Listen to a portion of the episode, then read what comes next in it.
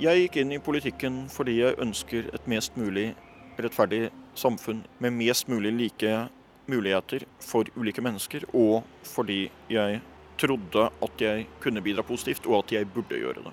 Hva er din drømmejobb?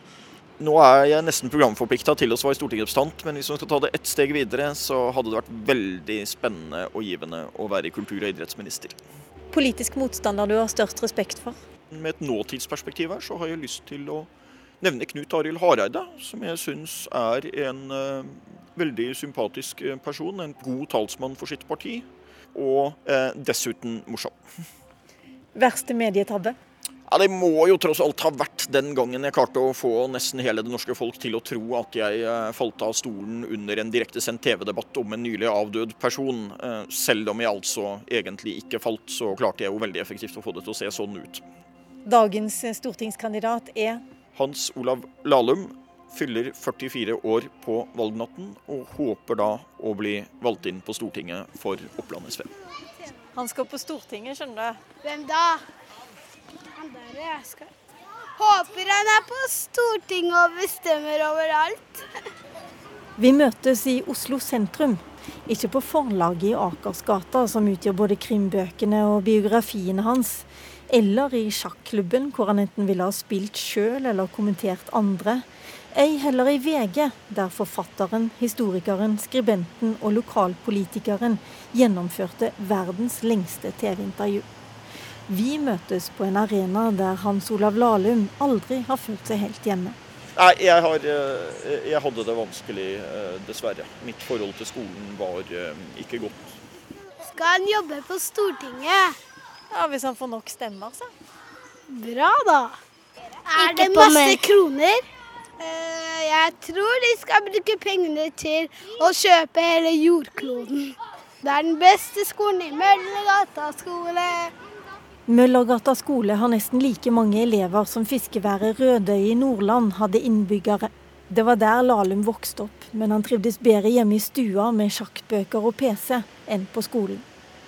Det var nok ikke fiskeværets feil, men det var en situasjon som eh, ble helt feil. Jeg har egentlig ingenting negativt å si om noen av de jeg gikk eh, på skole sammen med, jeg. Men det var bare det at jeg passet ikke inn. Jeg ville nok uansett, tror jeg, hatt vanskelig for å passe inn med skolen slik den den gang var. Det ville kanskje vært litt lettere på et eh, større sted med litt flere fritidsmuligheter. Men jeg tror ikke jeg kunne vært lykkelig som barn og skolebarn. altså Jeg tror jeg kunne vært mindre ulykkelig enn det jeg var. Men så får jeg håpe at det er en ballast som er eh, grei å ha med seg inn i politikken også. Hva du vil gjøre med skolen for å gjøre det lettere for folk som ikke er helt A4, sånn som deg? Nei, jeg tror det er veldig viktig at man ser den enkelte elev, at man ikke blir for rigid i skoleoppleggene. At man kan se at ulike mennesker har ulike styrker og svakheter, ulike talenter, ulike behov.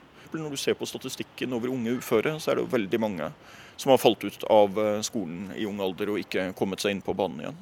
Men det var vel ikke så veldig mange av de som nå er unge uføre, som leste fire-fem bøker i uka, og som likte å lese biografier og sjakkbøker, sånn som deg?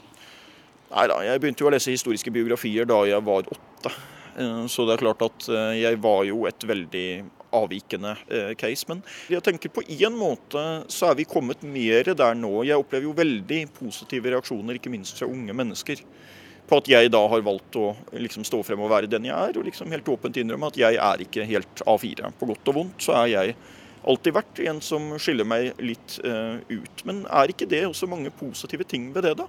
Hvis du ser på verdenshistorien, som jeg jo har brukt en stor del av mitt liv på å jobbe med, så er det i veldig stor grad de annerledes menneskene som har skilt seg ut i mengden, som har brakt verden framover.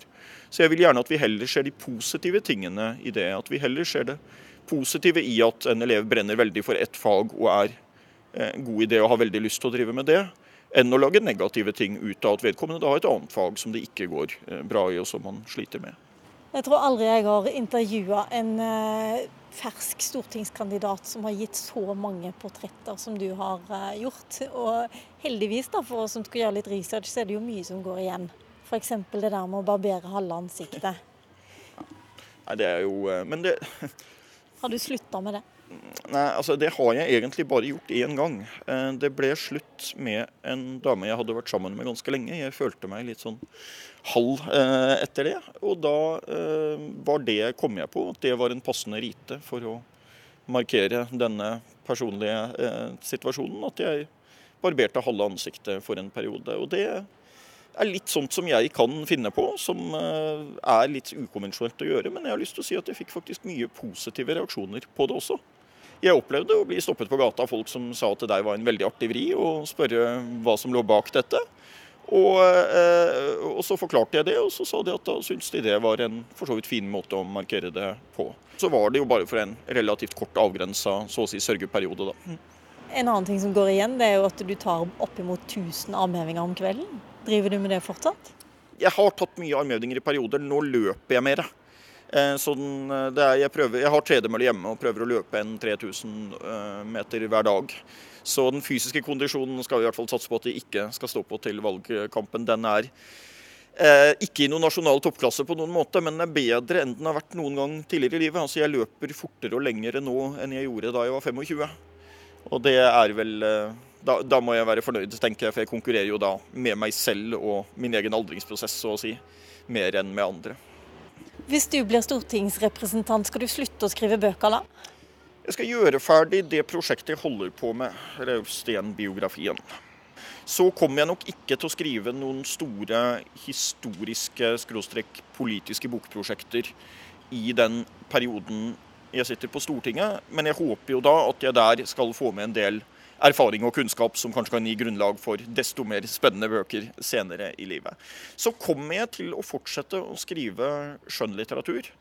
Eh, det er mulig at det blir flere romaner hvis jeg ikke sitter på Stortinget enn eh, hvis jeg gjør det, men det er så å si blitt en del av min livsstil, noe som gir meg veldig mye.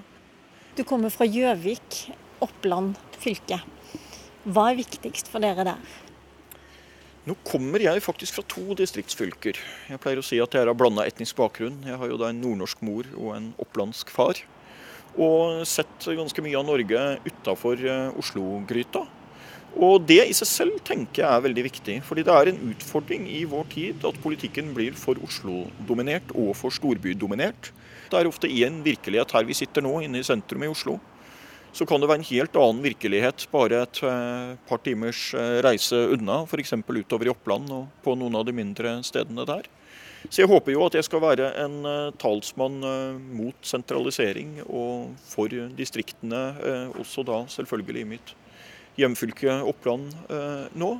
Og så tenker jeg at jeg har kanskje der en bakgrunn både geografisk og det med at jeg jo ikke har vært heltidspolitiker på noe tidspunkt i livet. Når jeg ser en fare med at det er litt for mange av de som nå sitter i Stortinget, og særlig i regjeringsapparatet, som liksom har vært heltidspolitikere og levd innenfor den boblen, om man vil, eh, nesten hele sitt voksne liv. Hvilken sak er viktigst for deg når det gjelder å representere fylket Oppland?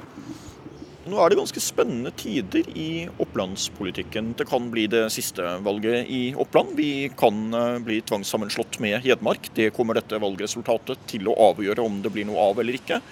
Der ønsker jeg veldig sterkt at man skal respektere den lokale eh, folkeviljen og lokaldemokratiet, og at eh, Oppland skal bestå som eget fylke. Hvor, hvorfor det?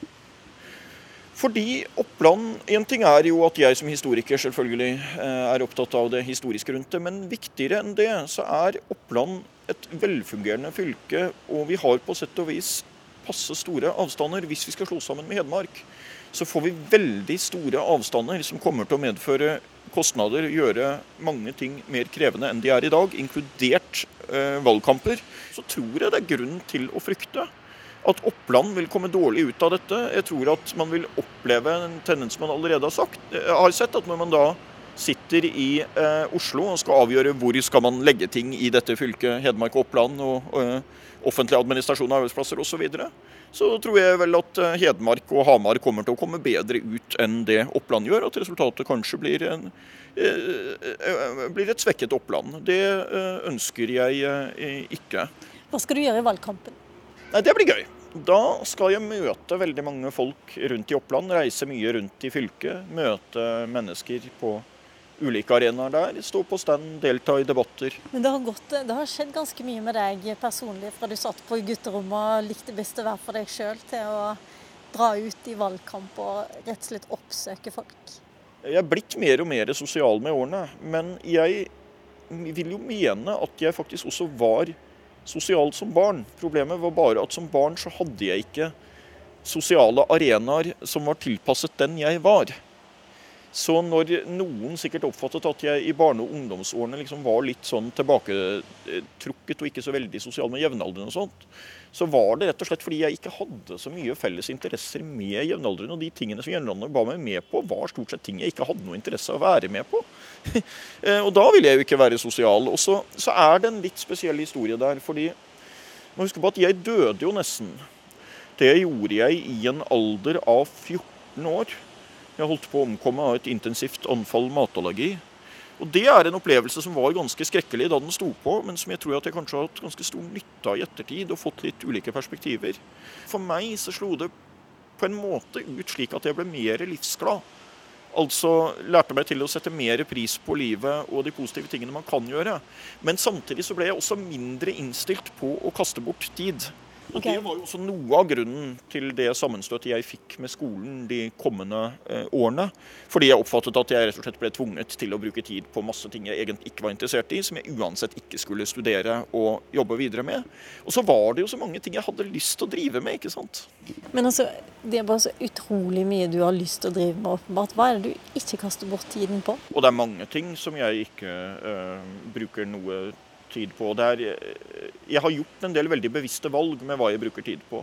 Så jeg har brukt mye tid på, eh, på politikk, historie Ja, ja, ja, Men spørsmålet var hva du ikke bruker tid på? Hva jeg ikke bruker tid på? Nei, det er klart at jeg har jo ikke familie, i betydningen egne barn. Jeg bor alene.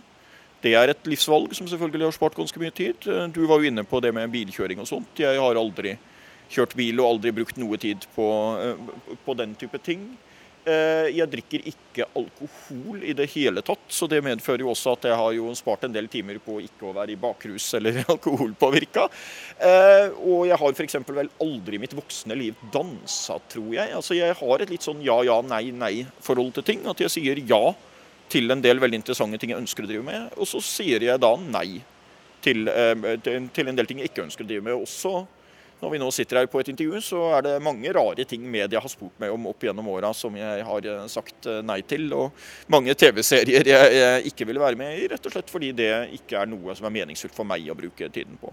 Du kommer ikke til å få se meg i Skal vi danse. Det sies vel om deg at du jobber ganske hardt, bl.a. for å få betalt norsk, nok eh, formuesskatt? Ja, Det er vel en litt original form for eh, motivasjon på skatten, kanskje, hvis målet er å få betale mer eh, formuesskatt. Men det er riktig at jeg hadde som et mål å kvalifisere meg til å betale formuesskatt, og at jeg hadde et mål om å kvalifisere meg for å betale inn samlet over en million per år i skatt, og at det er et mål jeg har klart tross en del anstrengelser fra regjeringen andre veien, som jo har prioritert å gi skattelettelse til oss med høy inntekt og formue. Ehm, så det er for så vidt eh, riktig, det. Det er for lav formuesskatt, mener du, eller? Ja, den kunne godt ha vært eh, høyere. Jeg eh, har god råd til å betale litt mer formuesskatt, og det har de som eh, har en stor formue, har jo stort sett det. Så jeg ønsker en, omfordelende, et omfordelende skattesystem, og som del av det så er det helt greit om formuesskatten stiger litt. Så er vi jo så heldige i Norge, da, og det tenker vi ofte ikke over, at vi får jo igjen utrolig mye som vi er sikret gjennom fellesskapet, som folk ikke eh, kan ta for gitt i mange andre land. Du går jo som regel vitenskapelig til verks. Jeg går ut ifra at du også har regna ut eh, mulighetene dine for å komme inn 11.9. Eh, ja, nå skal du ta, ta, med at mitt forhold til matte er jo litt sånn ambivalent historisk, da, siden vi sitter på en skole her. Og dessuten så reagerer jeg litt på denne troen som en del har på at alt mulig kan regnes ut, bare du får mange nok tall. Det er en god sjanse for et utdelningsmandat i Oppland, men jeg pleier å si at sjansen er sånn 30-35% Og hvilket slagord har eh, SVs første kandidat i Oppland? ja til et sterkt, åpent og inkluderende fellesskap. Fordi? Fordi det er eh, veldig viktig, og fordi det fellesskapet og det individuelle også i stor grad flytter sammen. Altså Man trenger et sterkt fellesskap Nettopp for å sikre valgfrihet og reell frihet i hverdagen for enkeltmennesker.